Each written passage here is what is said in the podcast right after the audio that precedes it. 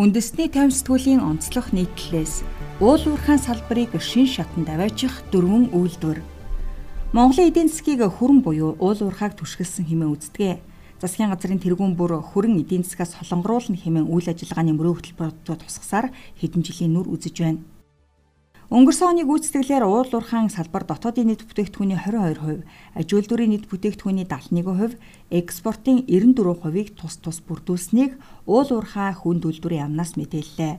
Монгол улсын нэгдсэн төсвийн орлого 2019 онд 11.9 их 80 төгрөг төрж, эрдэс баялагын салбараас төсөв төвлөрүүлсэн шууд орлого 2.9 их 80 төгрөг буюу 24.3%-ийг эзлэж байсан. Харин цар тахал гарсантай холбоотойгоор 2020 оны гүйцэтгэлээр нэгдсэн төсвийн нийт орлого 10.4 их 80 төгрөгт хүрч өнгөрч оны мөн үеэс 12.6%-аар буурсан ч уул уурхайн салбараас төсөв төвлөрүүлсэн орлого 25.7%-ийг эзлэж өмнөх оны мөн үеэс 1.4%-ийн өсөлттэй гарчээ. Уул уурхайн салбар дараачийн шатанд шилжих ёстой. Салбарын зүгээс нэмэн өртөг шингэсэн бүтээгдэхүүн үйлдвэрлэж эдийн засгаа солонгоруулах эхлэлийг өөрсдөө тавих ёстой гэж уул уурхай хүнд үйлдвэрийн сайд Ёндон хэлж байсан. Үнэн дээр бид хэдий болтол зэс нүүрс зэрэг экспортын голлох бүтээгдэхүүний үн өсгөд баярлаж амьдрах вэ? Уул уурхайн салбарын хөгжлийн дараагийн шатанд оруулах дөрвөн үйлдвэрийн явц байдлын талаарх мэдээллийг нэгтгэн хүргэж байна. 1.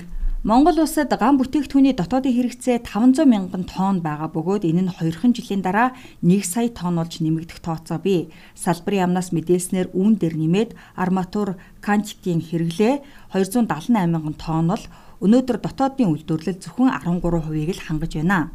Эрдэнтийн төмөрлөгийн үйлдвэрийн цогцлборыг энэ онд ашиглалтанд оруулахар төлөвлөж байгаа. Жилд 200 мянган тонн ган бүтээгдэхүүн үйлдвэрлэх хүчин чадалтай байхаар тээзүүд нь тусгасан. Хэрвээ үйлдвэр бүтээгдэхүүн үйлдвэрлэж эхлэхэд худалдан авах борлуулалтын гэрээг хүртэл үлдээд байгаа тухай танилцуулсан.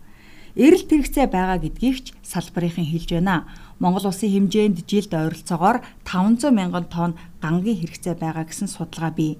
Байгаль орчны үнэлгээ хийгдээд байгаа хэдий ч үйлдвэрийн газарт аймагаас зөвшөөрөл олгоогүй байгаа гэсэн мэдээлэл байна. 2.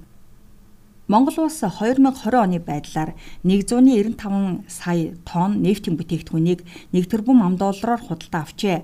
Бүгд найрамдах энтгэг улсын засгийн газрын хөнгөлөлтөд зээлээр барьж байгаа газрын тос боловсруулах үйлдвэрийн суйрлагдах хүчин чадал 1.5 сая тонн түүхий тос боловсруулахаар тээзүүд тусгасан. Стратегийн бүтээгдэхүүн болох газрын тосны бүтээгдэхүүний үйлдвэр байгуулагдсанаар импортын хамаарлаас гарна гэдгийг судлаачид хэлж байна. Энэхүү үйлдвэр шатхууны дотоодын хэрэгцээний 55 орчим хувийг хангах боломжтой. Газрын тос боловсруулах үйлдвэрийн төслийн дэд бүтцийн бүтээн байгуулалт бэлэн болсон бол технологийн бус барилга байгууламжийн ажил эхэлсэн гинлээ. Тухайлбал 550 айдын хотхны барилга угсралт 40% тай байна. Дотооддоо 2024 оноос үйлдвэрлэж эхлээд 133 сая тонн бүтээгдэхүүн нийлүүлнэ гэж үзэж байгаа. Өнөөдрийн байдлаар манай улсын газрын тосны баталгаат нөөц 332.6 сая тонн бол үүнээс ашиглалтын баталгаат нөөцийг 43.2 сая 3 Алт цэвэршүүлэх үйлдвэр байгуулахаар Казахстан улстай хамтран ажиллах гэрээнд Монгол улсын 31 дахь ерөнхий сайд хөрс үх гарын үсийг зураад байсан. Тэгвэл зөвхөн алт биш, үнд металл боловсруулах үйлдвэрийг байгуулахаар төлөвлөжээ.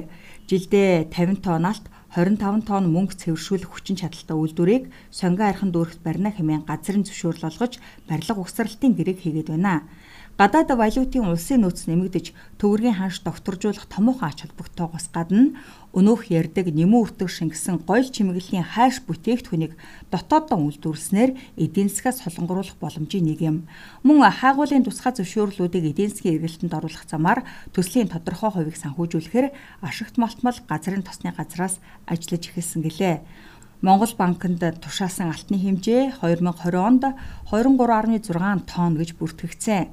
Алтны үн дэлхийн зах зээл дээр 2018 онтой харьцуулахад 24.9 хувиар өсөд байгаа юм. 4. Нүүрс баяжуулах үйлдвэр 2021-с 2031 онд нийт 30 сая тонн нүүрс баяжуулах хүчин чадал бүхий үйлдвэрийн эхний ээлжийг ашиглалтанд оруулна хэмээн уул уурхай хөндөлтөрийн амнаас мэдгдсэн нийт өртөг болох 709 сая ам доллар шаардлагатайгаас гадна 30%-ийг өөрсдийн хөрөнгө оруулалтаар шийдэхээр засгийн газар санал оруулаад байгаа юм. Үлдсэн 70%-ийг бүтээгдэхүүн урьдчилан борлуулах гэрээгээр санхүүжүүлэх юм а.